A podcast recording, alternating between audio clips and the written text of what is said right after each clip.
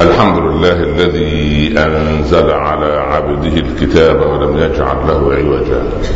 سبحانه له دعوة الحق حرص عليها وأوجب التبشير بها ولتكن منكم أمة يدعون إلى الخير ويأمرون بالمعروف وينهون عن المنكر وأولئك هم المفلحون.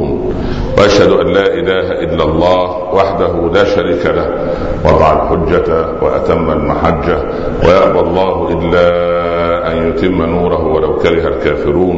وأشهد أن سيدنا وحبيبنا محمدا رسول الله. بلغ الرسالة وأدى الأمانة. ونصح الأمة وكشف الغمة وجاهد في الله حق جهاده حتى أتاه اليقين صل اللهم عليه وعلى آله وأصحابه وأزواجه وأتباعه الذين آمنوا ولم يلبسوا إيمانهم بظلم أولئك لهم الأمن وهم مهتدون أما بعد. أحبتي في الله من فضل الله سبحانه وتعالى على هذه الأمة أن جعل تذكيره لهم به عز وجل تذكير دائم. ففي مذاهب أخرى وفي ملل أخرى وفي نحل أخرى لا يذكر منهم العبد ربه إلا يوما في الأسبوع. هؤلاء يوم السبت هؤلاء يوم الأحد فربما يذكرهم رجل الدين عندهم بموعظة قد تلقى قبولا أو قد لا تلقى. لكن من كرم الله عز وجل على أمة الحبيب المصطفى صلى الله عليه وسلم أن جعل رب العباد عز وجل مناديا ينادينا دائما في اليوم خمس مرات. حي على الصلاة حي على الفلاح. أقبل تعالى إلى هذه الصلاة. يا عبد الله تعال إلى الفلاح لتصير من المفلحين. اللهم اجعلنا منهم يا رب العالمين. الأمة منذ العام العاشر من البعثة وهي تصلي خمس صلوات في اليوم. يوم الإسراء والمعراج أو ليلة الإسراء والمعراج. كلف النبي صلى الله عليه وسلم بفرض الصلاة. وظل الصحابة يصلون فرادى من غير صلاة الجمعة. طوال مكث الحبيب عليه الصلاة والسلام بمكة إلى أن أذن الله له أن يضيء يثرب لتصبح المدينة المنورة التي نورت بحبيبنا عليه الصلاة والسلام وصار للمسلمين خمس صلوات في المسجد منها كل جمعة صلاة الجمعة.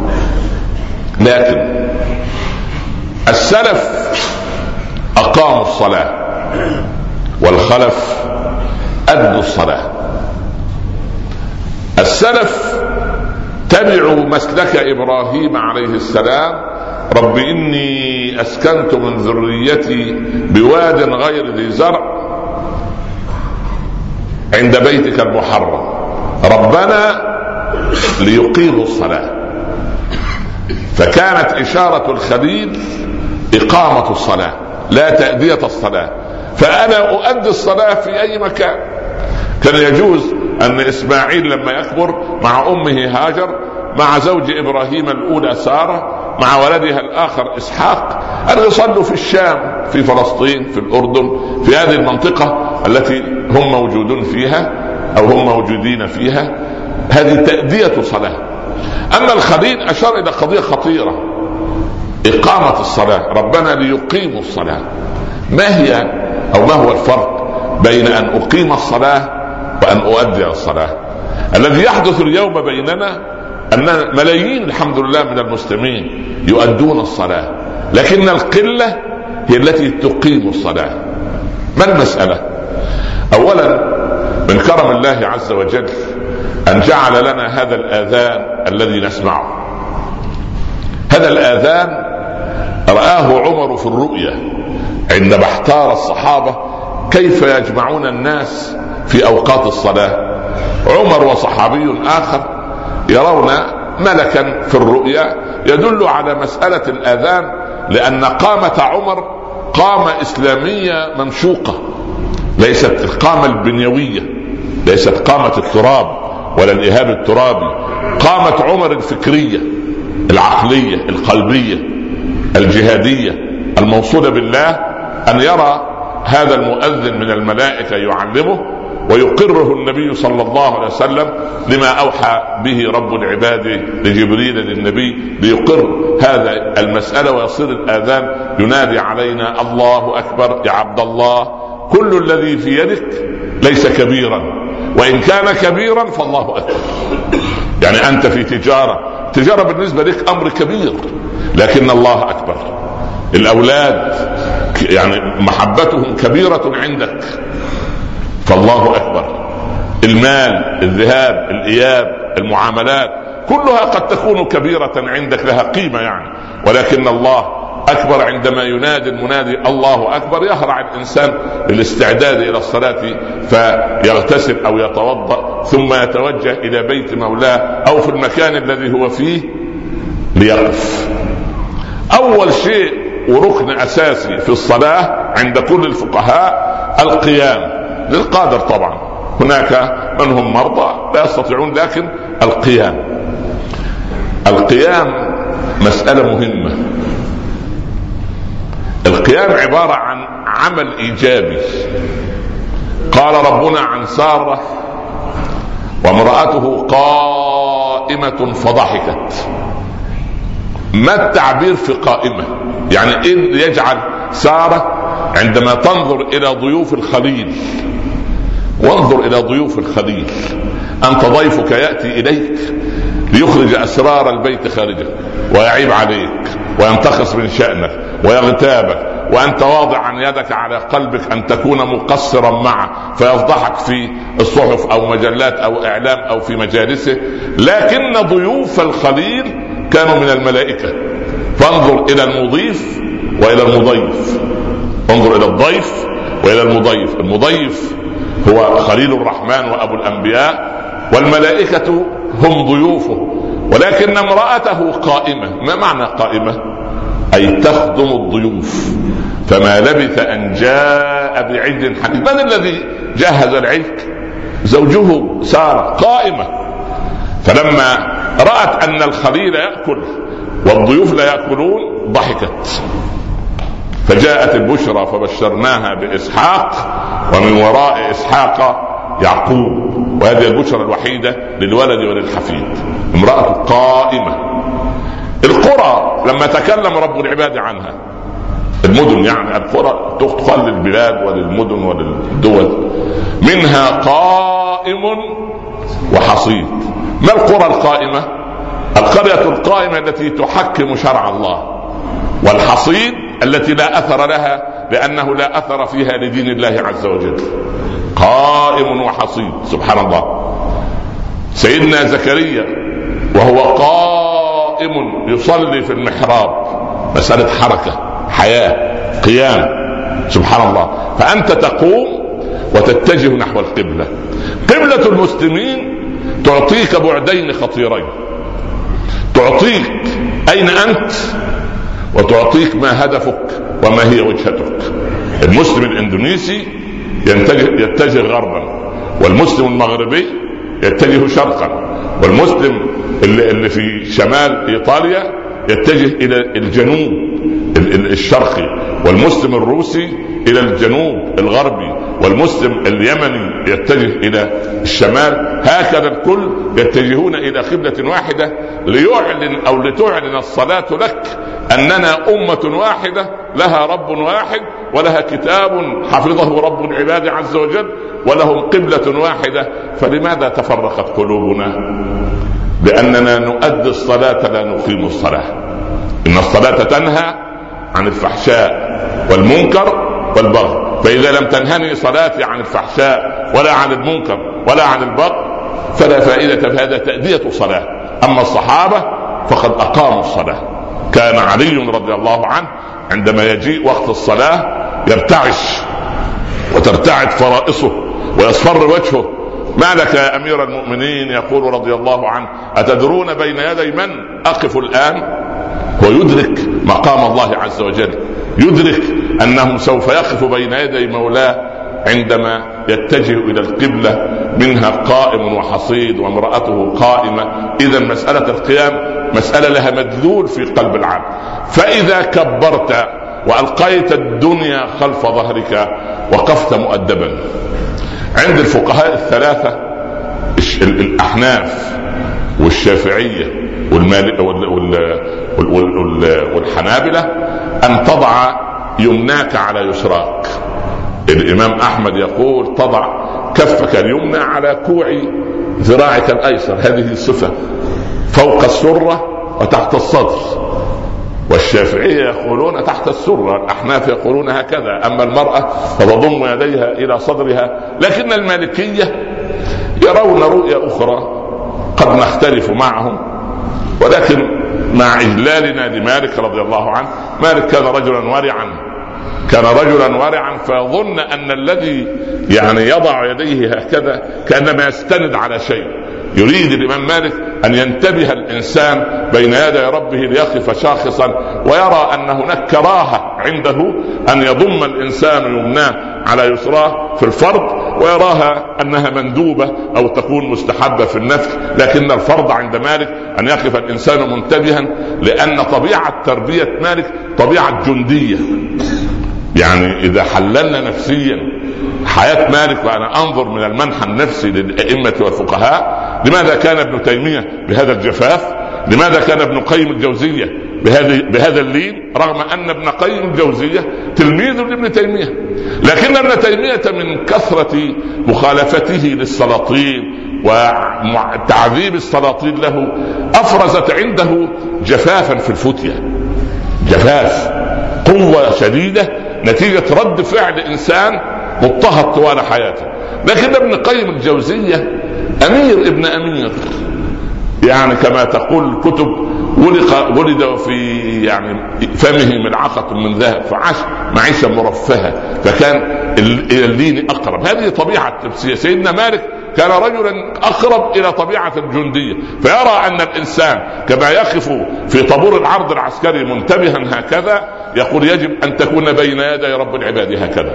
هذه وجهة نظر عظيمة وتحترم. لكن وضع اليمين على اليسار بها مدلول. في التاريخ سيدنا إبراهيم لما أراد أن يحطم الأصنام هل حطمها بشماله أم بيمينه؟ فراغ عليهم ضربا باليمين. سيدنا موسى لما أمسك عصاه وسأله ربه هل قال له وما تلك بشمالك يا موسى؟ ماذا قال له؟ وما تلك بيمينك يا موسى؟ سبحان الله. لما ناداه ربه ناداه من الجانب الأيسر من البقعة المباركة أم من الجانب الأيمن؟ اليمن اليمن في كل شيء. يمن في العصا أن تصير يعني معجزة.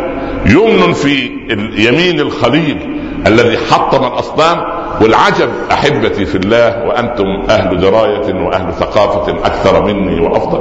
بفضل الله عز وجل ولن نزكيكم على الله. اليمين التي حطمت الأصنام وهو سيدنا إبراهيم هي اليمين التي رفعت القواعد من البيت. انظر إلى فعل اليمين عندما تصنع خير. أنت تضع اليمين على اليسار هكذا ثم تقرأ البسملة. البسملة لكل شعب هوية. يعني أي إنسان يعيش في بلد معينة له هوية بطاقة تعريف. سبحان الله. فتعرف من جواز السفر هذا أو هوية هذا أنه بريطاني الجنسية وهذا أمريكي الجنسية. وهذا عربي الجنسيه أو خليجي الجنسيه هذا جزائري وهكذا من هويته. هوية المؤمن هي البسملة. كل شيء. ماذا قال سيدنا نوح عندما ركب في السفينة؟ قال بسم الله مجريها ومرساها. عندما تجري تجري بسم الله وعندما تقف على شط السلامة لا تقف إلا بسم الله. لابد أن تكون البسملة هي شعار المؤمن. شعارك في الحياة باسمك اللهم سبحان الله بسم الله الرحمن الرحيم. تبدأ بها كشعار لهذا المؤمن والرحمن الرحيم لأن الله يقبل القليل منا فيكثره ويرى عيوبنا فيعاملنا سبحانه وتعالى كأنه لا يرانا. وهو الرحمن الرحيم. والخبير البصير. يسمع دبيب النملة السوداء فوق الصخرة الصماء في الليلة الظلماء وكأنه يعاملنا وكأنه لا يرانا. أنت كأب تتغافل عن والدك مرة ومرتين وثلاثة. أما في الرابعة تنتفض ثائرا تتغاضى عن أخطاء زوجتك مرة ومرتين. وفي الثالثة تنتفض. لكن رب العباد عز وجل في ملايين يقولون له لا أنت رب ولا أنت خالق ولا نعرفك. هل منع عنهم الأكسجين؟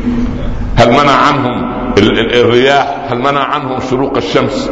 هل منع؟ ابدا أعطاهم من فضله لأنه هو الرحمن الرحيم. الكون كله كل صباح في حالة غضب على ابن آدم. السماء تريد أن تسقط علينا كسفا لأننا أكلنا رزق الله وما شكرناه. والجبال تريد أن تضمنا بين جنباتها. والأرض تريد أن تبتلعنا. والبحار والمحيطات تريد أن تغرقنا. يا رب إن ابن آدم أخذ من رزقك ولم يشكره. يقول يا مخلوقاتي أأنتم خلقتموه؟ يقولون لا يا رب. قال لو خلقتموه لرحمتموه. دعوني لعبادي فمن تاب إلي منهم فأنا حبيبهم ومن لم يتب فأنا طبيبهم وأنا إليهم أرحم من الأم بأولادها. رحمن رحيم. تبدأ الفاتحة هكذا. بسم الله الرحمن الرحيم. وتحمد الله عز وجل. سبع عشرة مرة كل يوم على الأقل أن هداك لهذا الدين وأن جعلك من المسلمين وأن جعل النبي يعرفك يوم القيامة من آثار وضوئك ويشفع لك عند ربك. أليست هذه يعني تستدعي أن تحمد الله عز وجل الرحمن الرحيم الذي يملك يوم الدين؟ لا مالك ليوم الدين إلا هو. الذين يظلمون الناس ويقتلون الناس حسابهم عسير على رب العباد عز وجل. أنت في سعة من أمرك. ما لم تصب دما. طالما ابتعدت عن القتل وابتعدت عن إراقة دماء الناس على الأرض فأنت في سعة من أمرك. قد يشملك عفو الله سبحانه وتعالى. إياك نعبد وإياك نستعين. هكذا. اهدنا الصراط المستقيم وقلنا من قبل لسان العرب وهو القاموس الكبير في في اللغة العربية في ستين ألف مادة ستين ألف مادة سبحان الله. القرآن فيه ستة ألاف مادة عشر ما في لسان العرب. الستة ألاف مادة اللي في القرآن تفي بأمور الحياة كلها دنيا وأخرى. الستين ألف لابن منظور في لسان العرب لا تفي بأشياء الدنيا قليلة المهم هذا هذا كلام الله وهذا كلام عباد الله. المهم لسان العرب ليس فيه كلمة صراط بالصاد. مفيش فعل عربي اسمه سرط بالصاد. وإنما الفعل العربي سرط. سرط بالسين يعني ابتلع ابتلع والمصراط هو البلعوم مع المريء انظر إلى الدقة اللغوية. لكنك في المصحف ترى صادا وأنت تنطقها سينا. اهدنا الصراط المستقيم.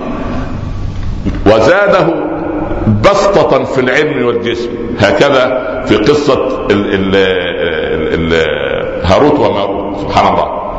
آه، أو أو في قصص في قصص القرآن لما زاده بسطة بالسين. ولما جاء ليتكلم عن قوم بجمعهم قال وزادكم في الخلق بسطة بالصاد تتعجب. لماذا هنا سين ولماذا هنا صاد لماذا في القرآن اهدنا الصراط مكتوب بالصاد؟ لماذا؟ لأن الصراط بالصاد تقال للجمع والصراط بالسين تقال للمفرد ومع أنني أصلي منفردا لكنني أدعو دعاء الجماعة اهدنا الصراط المستقيم فربما أنا لا أستحق أن أهدى إلى الصراط المستقيم ولكن تستحقون أنتم فيتقبل الله صلاتي مع صلاتكم. يعني هذا كرم الله عز وجل.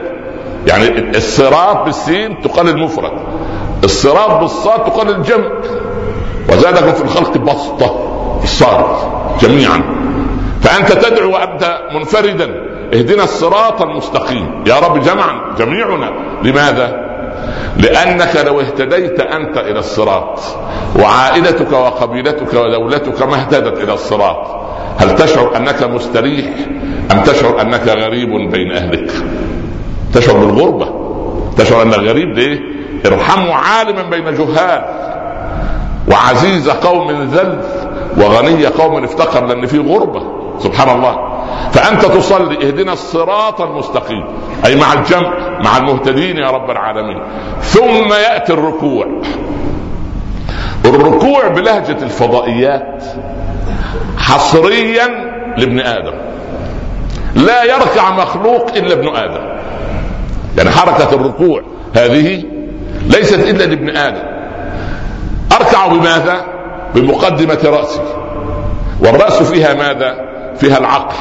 فكأن عقل الإنسان لا ينحني لأحد إلا لله. يعني لا تقبل لا شرع من إنسان ولا قوانين بشرية ولكن أنت تقبل من الله عز وجل. ابن آدم فقط هو الذي يركع. وأنتم علماء في الأحياء وعلماء في الحشرات وعلماء في النبات وعلماء في الكائنات. وكل واحد منكم في منحى هل رأيت حيوانا أو حشرة أو طائرا يركع لله رب العالمين إلا ابن آدم؟ هذه حصرية لك. هذا فخر. ألا تركع إلا لله.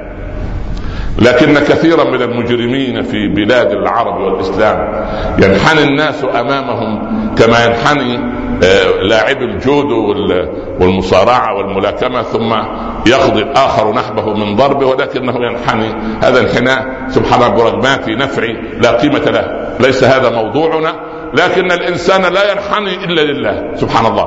فأنت عندما تركع دائما القرآن الركوع يسبق يسبق السجود. دائما. في مرة واحدة السجود يسبق الركوع. كان الحديث هنا لمريم عليها السلام عندما قال لها يا مريم اقنتي لربك واركعي واسجدي مع الساجدين. فبدأ الأمر لمريم بالسجود اولا. واسجدي واركعي مع الراكعين. واسجدي واركعي مع الراكعين. جعل السجود اولا لأن مريم طراز خاص في كل شيء. أن تحمل بدون زواج أن تحمل وهي بنت بكر أن تحمل بهذا الأمر العجيب ونفخ الله فيها سبحانه وتعالى من روحه وجاء سيدنا عيسى إلى هذه البشرية ليختلف الناس فيه فهي لها خصيصة معينة فعبادتها كانت خصيصة لها أيضا. يعني اسجدي واركعي مع الراكعين فبدأ لها بالسجود اولا وهذا هي المرة الوحيدة في القرآن أو الشخص الوحيد في القرآن الذي كلف بأن يسجد قبل أن يركع. فأنت عندما تركع إنما أنت إنسان عابد لربك وتعظم رب العباد. سبحان ربي العظيم. أي يا ربي أنا أركع لعظمتك أركع لقدرتك أركع لفضلك أركع لجودك أركع لمنك أركع لك لأنني لا أركع لأحد سواك. ثم تقول سمع الله لمن حمده. أنت تصلي منفردا. فانظر ماذا تقول. ربنا ولك الحمد. مش ربي ولك الحمد. أنا أصلي وحدي. فأقول ربي. لا أقول ربنا. ربنا عندما نكون جمع. لكن دليل على أن الصلاة هي كما قلت من قبل أن تذوب الأنا في النحن. هكذا إذا أراد الإنسان أن يقيم الصلاة لا أن يؤدي الصلاة. اللهم اجعلنا من المقيمين لها يا رب العالمين. أقول قولي هذا وأستغفر الله لي ولكم. أحمد الله رب العالمين وأصلي وأسلم على سيدنا رسول الله صلى الله عليه وسلم. أما بعد أحبتي في الله وجب على الإنسان المسلم منا أن يسأل نفسه أنا بفضل الله يقول في نفسه هكذا أحافظ على الصلوات باسباغ وضوئها وإتمام ركوعها وسجودها وأحافظ على فرائضها وأركانها. وابتعد عن مكروهاتها ومبطلاتها وأشفع ذلك بالسنن والنوافل الراتبة والمؤكدة وغير المؤكدة. لكن يقول الإنسان منا في نفسه لا أجد حلاوة لذلك.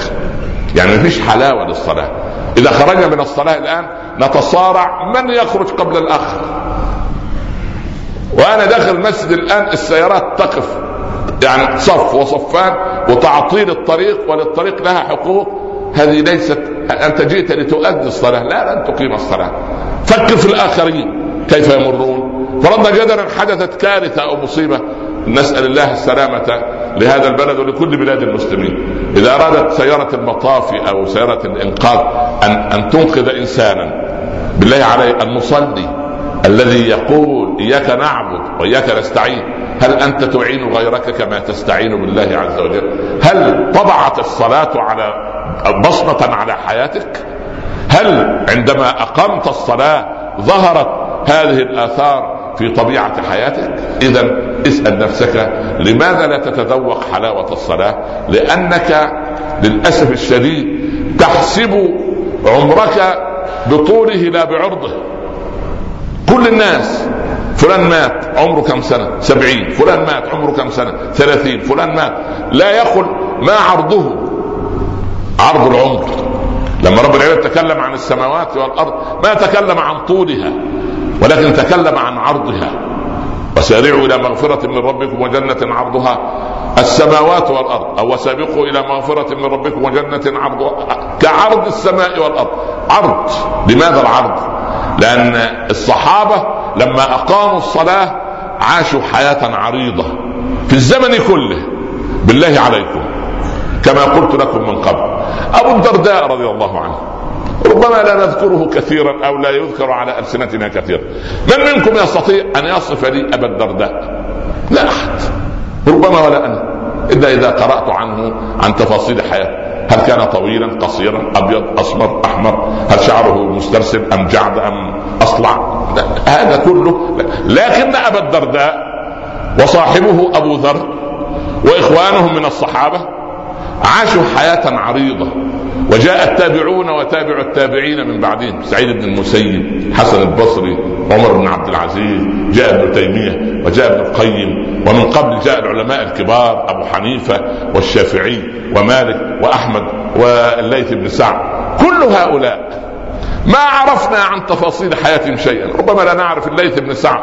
فقيه مصر الكبير الذي كان يستفتيه مالك رضي الله عنه. ومالك كان له تلاميذ فانتشر مذهبه والليث كان يساوي مالك في العلم لكن لم يكن له تلاميذ. ويا حسرة على العباد عندما لا يكون للعالم تلاميذ ينقلون عنه. المهم أن هؤلاء جميعا لأنهم عاشوا الحياة عرضا لا طولا. عرضا. قلنا من قبل يعني الشافعي مات وعنده 54 سنة. 54 سنة يعني ليس عمرا مديدا. ولكن أما زال الفقه الشافعي يعيش بيننا؟ أما زلت أنت تقول يقول أبو حنيفة ويقول ابن تيمية مع أن أبا حنيفة يقول أم قال؟ قال. قال منذ سنة مات سنة 150 ولد سنة 80 هجرية. ولحق بعمر بن عبد العزيز كان عنده عشرين سنة وعمر يتولى أمر المسلمين كان عند أبو حنيفة عشرين سنة. ومات سنة 150 هجرية من 150 هجرية ل 1433 اليوم نقول يقول لكم أبو حنيفة ويقول لكم ابن تيمية ويقول لكم الحسن البصري الناس موتى وأهل العلم أحياء. اذا أبو حنيفة ومن سبقه من التابعين والصحابة ومن جاء بعده من هؤلاء وهؤلاء. عاشوا الحياة طولا أم عاشوا الحياة عرضا؟ عاشوا الحياة عرضا. عرض الحياة. شرف الدين النووي مات وعنده 34 سنة وسبعة أشهر. 34 سنة سبحان ترك بصمة في تاريخ العلم ما تركها أناس من قومنا عاشوا مئة عام ما تركوا إلا خرابا أو دمارا. سبحان الله. واحد منهم عنده 80 و90 سنة يصبغ شعره ويضع أسلام من الذهب وسبحان الله. ويتكلم في التفاهات ويتكلم في الحمية وفي الرجيم وفي أنواع الساعات وفي أنواع السيارات. هكذا ضاعت الأمة وراء أمثال هؤلاء. لكن استفاقت الأمة يوم أن أقاموا الصلاة بحق فسعدت بهم الأجيال وسعد بهم التاريخ لأنهم أقاموا الصلاة فعاشوا الحياة عرضا لا طولا. اللهم أحينا إن كانت الحياة خيرا لنا وأمتنا إن كان الموت خيرا لنا. اللهم ارحمنا فإنك بنا راحم لا تعذبنا فأنت علينا قادر.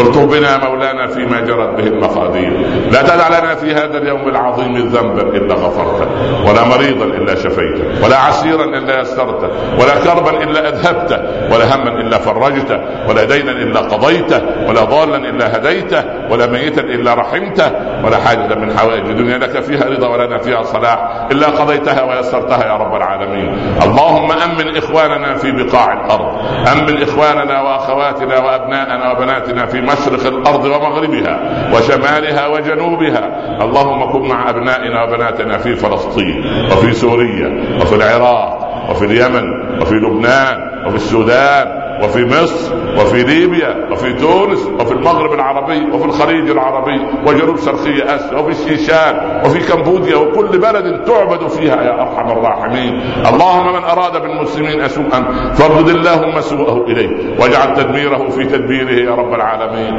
اللهم احفظ أعراض إخواننا واخواتنا المضطهدين والمضطهدات في مشرق الأرض ومغربها ودمر الظالمين بقدرتك يا أرحم الراحمين. وصلى الله على سيدنا محمد وآله وصحبه وسلم تسليما كثيرا. بسم الله الرحمن الرحيم والعصر. إن الإنسان لفي خسر إلا الذين آمنوا وعملوا الصالحات وتواصوا بالحق وتواصوا بالصبر. صدق الله ومن أصدق من الله قيلا. نقول حديثنا بعد الصلاة إن شاء الله. وأستأذن منكم الجمعة القادمة بإذن الله. وأقم الصلاة. قوموا إلى صلاتكم يرحمكم الله. أحمد الله رب العالمين. وأصلي وأسلم على سيدنا رسول الله صلى الله عليه وسلم. أما بعد. في وجهة نظري أن الأمر لا يحتاج إلى درس. حتى الميكروفون زعلان. يعني أريد ألا تضيع معالم الخطبة آه، من ذهنك في درس أو غيره لكن هذه عادة تعودناها. أرجو الله سبحانه وتعالى وأدعو ألا تنقطع. طالما نحن على قيد الحياة إن شاء الله. أن إحنا بعد خطبة الجمعة يكون هناك درس يثبت بعض من معاني الخطبة. أنا لا أريد المريدين من المريدين الذين يواظبون على الحضور عندي أن يكونوا كغيرهم بل بالعكس. هم الذين يستمعون القول فيتبعون أحسنه وهذا ظني بكم ولا أزكيكم على الله والله حسيبكم. لكن بعض الناس يذهب إلى الخطبة ذهنه مشتت. طوال الأسبوع خطبة الأسبوع الماضي مثلا مثال. كنا نتكلم عن نظام فاشل يقتل شعبه. عرجنا في هذه المسألة. بعد ما خرجنا من المسجد أخ كريم يا شيخ كنت كلمنا شوية عن سوريا والوضع. طيب رد أنت بلاش أرد أنا. الخطبه تقريبا كلها كانت تدور. لكن مريدا آخر أنواع. ذهب إلى قومه يقول الله الشيخ للأسف بيخوض في السياسة. نتكلم عن المال واستخدام المال. أن يستخدم المال بأن يشتري بعض الناس أصحاب السلطة سلاحا من مال الناس ليقتلوهم به. ده مش كلام في السياسة كلام في الواقع. من لم يهتم بأمر المسلمين فليس منهم. كان في نظام فاشل ويعني وذهب. هذا الرجل كان إذا قتل حاشيته إنسانا من شعبه أخذوه إلى البيت كجثة وطالبوا أهله بثمن الرصاصة التي قتل بها. وأنتم تعلمون أكثر مني. إذا خضنا في هذا ده اسمه كلام في السياسة هذا كلام في واقع الأمة. إذا جلسنا جميعا نتحدث عن فقه الصلاة أن تكبر هكذا وأن تضع يدك هكذا وأن ثوبك طويل وأنت تهذب اللحية وأنت كذا وتلبس الساعة في اليد اليسار الأمة تصير متخلفة. ورغم ذلك الناس في فقه الصلاة ما زالت تحتاج إلى فقه. لماذا؟ لأن عندنا إلف العادة. كما رأيت أنت أباك يتوضأ أنت تتوضأ. أليس فينا إلى اليوم في الوضوء من يمسح رقبته؟ في ولا ما فيش؟ هل عند الفقهاء الأربعة شيء اسمه مسح الرقبة؟ لا. لكن كثيرا منا يمسح رقبته. لا عند الأحناف ولا المالكية ولا شيء. لكن يمسح رقبته. بالعكس وله دعاء كمان يعني بيزودها من عنده. ممكن بعد كده حاه في إيدك يجي يمسح بطنه. والتاني يمسح ركبته. ما إحنا كل واحد ي... ما... ما الذي ما الذي جعلنا نوسع الدائرة؟ نحن لا نعود إلى المنبع. نحن نريد أن نعود إلى المنبع ونفقه ديننا فقها. وعمر الله يرضى عليه لأنه كان أستاذ فقه الواقع. هدد المطعم بن عدي اللي الأربعة العبيد اللي عنده سرقوا بعير الأعرابي. كلف عمر مطعما أن يدفع ثمن البعير لصاحبه. مطعم كان في بيته والناس أخذوا البعير من أمام المسجد النبوي وذبحوه. عبيد. فقال له عمر اتشغلونهم ثم تجيعو تجيعونهم؟ بل بالعكس عمر فرض على المطعم أن يدفع للرجل ثمن البعير مضاعفا. عشان إيه؟ يؤلمه. وبعدين ماذا قال له؟ قال وأيم الله. الكلام ده لمطعم. مطعم يرد يقول يا امير أدفع ضعف ثمن الناقة. أنا لا أمرت ولا ذبحت ولا أكلت ولا رضيت. يعني أنا خارج المنظومة. فعلل عمر أن هؤلاء مسؤولين منك أن تشبعهم. ثم قال يا مطعم وأيم الله لو سرقوا مرة أخرى لقطعت يدك أنت. وفي بعض الناس يقول ده كلام في السياسة. لا خلاص لا يعني خلاص اعتبرها كده يا سيدي. خلاص اعتبرها. خلاص. المهم ال- ال- القضية أننا نريد أن نشغل عقولنا وأن نعمل هذا العقل الذي لا ينحني إلا لله. وقلنا إن من شرف الإنسان على الله عز وجل أن جعله يركع له وحده. حتى لما جاء سعد بن معاذ من رحلة إلى فارس هو معاذ بن جبل وبعض الصحابة فلما دخل سجد بين يدي النبي صلى الله عليه وسلم. قال ماذا تصنع؟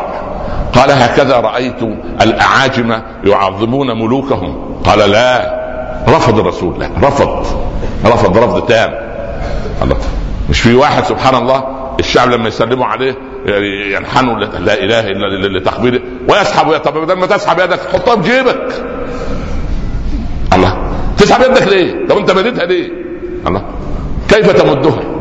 العلماء قالوا لنا يجوز أن أقبل يد أبي يد العالم جبينه يد أمي جبينها جدتي عمتي واحد في سن أبويا رجل فاضل حاكم صالح لا لا شيء في هذا وبعدين المسألة تريد إعادة صياغة للفقه وترتيب أولويات فأنت في الصلاة تقف بين يدي الكريم سبحانه. تعمل إيه؟ فرضنا جدلا أن هذه الماكينة اللي تشغل هذه السماعات من شركة معينة. وأنا كل يوم نخلي أخ موظف مختص يحمل الماكينة والسماعات والأسلاك ويروح للمصنع. يجي المهندسين المختصين يضبطوها على الشاشة ويشوفوا درجة الصوت درجة نقاوة الصوت الأسلاك هل في سلك فك هل سلك مرتقب وهكذا وينظروا على الماكينة نفسها فيها فيوز ناقص فيها شيء خمس مرات في اليوم هل يعطل الجهاز؟ أليس هذا فقه حديث رسول الله صلى الله عليه وسلم لو أن نهرا يجري ها بباب أحدكم يغتسل فيه كل يوم خمس مرات هل يبقي ذلك من درنه شيئا؟ فأنت ليه بتقف خمس مرات؟ تبدأ بالتكبير وتنتهي بالتسليم. أنت تعيد صياغة العقد مجددا مع الله عز وجل. في عقد بينك عقد ربوبية مع عز الربوبية. عقد يعني عبودية مع يعني ذل عبودية مع عز الربوبية. زي بالضبط أنت مؤجر مكان متجر محل بيت سيارة. لما ينتهي العقد لما ينتهي العقد يسألك صاحب السيارة وصاحب البيت هل في نية تجديد؟ هتجدد؟ يقول لك والله خلاص. فأنت عندك عقد مستمر تجدد العهد مع الله تلقي الدنيا خلف ظهرك. الله أكبر. وتقف بين يدي الله. تستمد منه الطاعة تستمد منه القوة تستمد منه المدد. إياك نعبد لا نعبد إلا أنت. وإياك نستعين لا نستعين إلا بك. يقف ابن عمر عند الحرم خلف المقام ويركع. الحمام يطوف مرة اثنين وثلاثة فيجد الحمام أن شيئا ثابتا. يظنه حمام الحرم جدارا فيحطون على ظهر ابن عمر. يقدر أنت نحلة تقترب منك وأنت تصلي؟ ده أنت راجل مهفة. الله أكبر سمع الله لمن طب التقط نفسك. لو تشوف إزاي التسبيحات أنا لو ركعت هكذا ولم أسبح بس اطمأنيت في الركوع صلاتي صحيحة. وليس لها سجود سهو. مش معنى كده إنك تعمل كده أقول لك يعني بجيب لك من الآخر يعني. ما تعملش أنت كده تقول الشيخ قال ما فيش داعي للتهوى ويسيب الخطبة كلها ويطلع ينشر في الفضائيات. الشيخ قال ما فيش سبحان ربي العظيم ده فقه جديد. إحنا نخاصم يوم نتخاصم يوم القيامة إن شاء الله. مش أنا وأنتم يعني المهم. أنا واللي بالي بالك. المهم ما علينا. فسبحان الله أنت عندما تركع سبحان ربي العظيم. وتسكت بمقدار تسبيحة. سبحان ربي العظيم. ثم تسكت بمقدار تسبيحة ثم تسبح المرة الثالثة. يبقى كأنك سبحت كم مرة؟ خمس مرات. خمس مرات. خلاص؟ سبحان ربي العظيم. وتفكر فيها. يعني إيه سبحان ربي العظيم؟ يعني يا ربي أنا أصفك سبحان كلمة سبحان أصفك بكل كمال. وأنزهك عن كل نقص. وأنت الله وأنت ربي الذي يربيني على موائد فضله وكرمه وأنت العظيم لا عظيم سواك. أنت بتتفكر فيها سبحان ربي العظيم. ثلاث مرات. سبحان ربي العظيم. سمع الله لمن حمد أنت من كثرة التكرار تنسى المعنى. يعني الله يسمع من يحمده. وأنت بما بدأت الصلاة ها بالحمد. فأنت ربنا إن شاء الله إيه؟ يسمع قسمت الصلاة بيني وبين إيه؟ وبين عبدي. فلما سمع الله لمن حمده كان حبيبنا صلى الله عليه وسلم يقول ربنا ولك الحمد حمدا كثيرا مباركا طيبا أو طيبا مباركا فيه.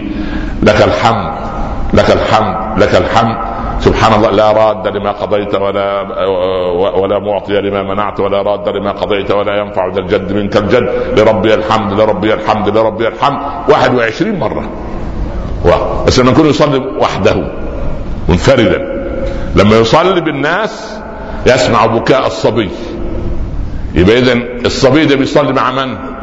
الرضيع بيصلي مع من؟ مع أمه يبقى كان في نساء في مسجد الرسول ولا لا؟ ده لا اديك افهم دي وخلاص. افهم دي وحطها في الايه؟ في ال في, ال في, ال في الكمبيوتر بتاعك. يبقى في نساء. فلما منعنا من 400 سنة النساء أصبح الرجل يعود إلى البيت ليقطر لها المعلومات تقطيرا. شو أنا بتكلم عن الصلاة أهو. الرجل يرجع البيت. والشيخ اتكلم في الإيه اليوم ماشي من الساعة 10 الصبح. قال إيه يعني؟ يعني الحرمة اللي يبات زوجها غضبان عليها تلعنها الملائكة حتى الصباح. ده اللي قاله الشيخ. فالمرأة تحب الشيخ وتدعو عليه قصدي تدعو له بالليل. سبحان الله والناس نيام. يا راجل اتق الله. المهم أبو هريرة دخل للرسول صلى الله عليه وسلم في الروضة الشريفة. بالليل منفردا قال الله ده رزق ساقه الله إليه. الرسول يصلي ركعتين. أبو هريرة لوحده كده على يمين الحبيب وصلي خلص الرسول الفتح. صلاة الرسول كانت كيف؟ إذا كان وحده. كان إذا مر بآية من آيات الرحمة توقف وسأل الله رحمته. وإذا مر بآية من آيات العذاب توقف وسأل الله أن يجيره من عذابه إذا مر بآية من آيات الجنة توقف وسأل الله أن يدخله الجنة. آية من آيات النار وهكذا. فكل صلاة دعاء وذكر. فأبو هريرة وجد الرسول بعد الفاتحة بدأ ألف لام ذلك الكتاب لا ريب فيه هدى للمتقين. أبو هريرة حدث نفسه لأن يركع في ربعها. معقول؟ هيقرأ 75 يعني أكثر من 75 آية؟ يعني يعني كده هيركع إن شاء الله. قال فلم يركع. من أبو هريرة نفسه بأن يركع في نصفها فلم يركع طب في ثلاثة أرباعها فلما خلاص الرسول ناوي إيه؟ ينهي البقرة. وانصرنا على القوم الكافرين ألف لام ميم آل عمران. ربعها نصفها ثلاثة أرباعها. قال خلاص البقرة الزهروين ها؟ البقرة. ولا يركع في آخرها بدأ بالنساء. ربع أنهى النساء فركع. فاستغرق في ركوعه ما استغرق في وقوفه. سجد فأطال وبكى. ثم جلس ثم سجد فأطال وبكى. ثم وقف للركعة الثانية فجلس أبو هريرة. ما استطاع. يعني إذا هذه هذه قدرة كان بعض الصحابة يقول يعني معقول. طب الرسول صلى الله عليه وسلم إحنا نمتنع عن الأكل ونمتنع لا. إني لست كهيئتكم إنما أبيت عند ربي فيطعمني ويسقيني. ده تراث خاص. خارج المنافسة. شيء ثاني صناعة ربانية أخرى. سبحان الله. قل إنما أنا بشر مثلكم ولكن إيه؟ يوحى إلي. هنا الملائكة نفسها. تنزل وهو نائم. الملائكة يقول هل محمد نائم؟ ففريغا نعم انه نائم فالملائكة الطائفة الأخرى لا لا لا لا إنه لا ينام مش نائم نزل جبريل ليحسم القضية. هو نائم العينين ولكن قلبه يقظان مع ربه. قلبه مع الله لأن لما يشوف الرؤيا ها؟ تبقى صورة من صور الإيه؟ الوحي. هل يوحى لنائم؟ لا يوحى ليقظ. فقلبه يقظان مع ربه. صلوا عليه صلوا عليه. اللهم صل عليك يا سيدي يا رب.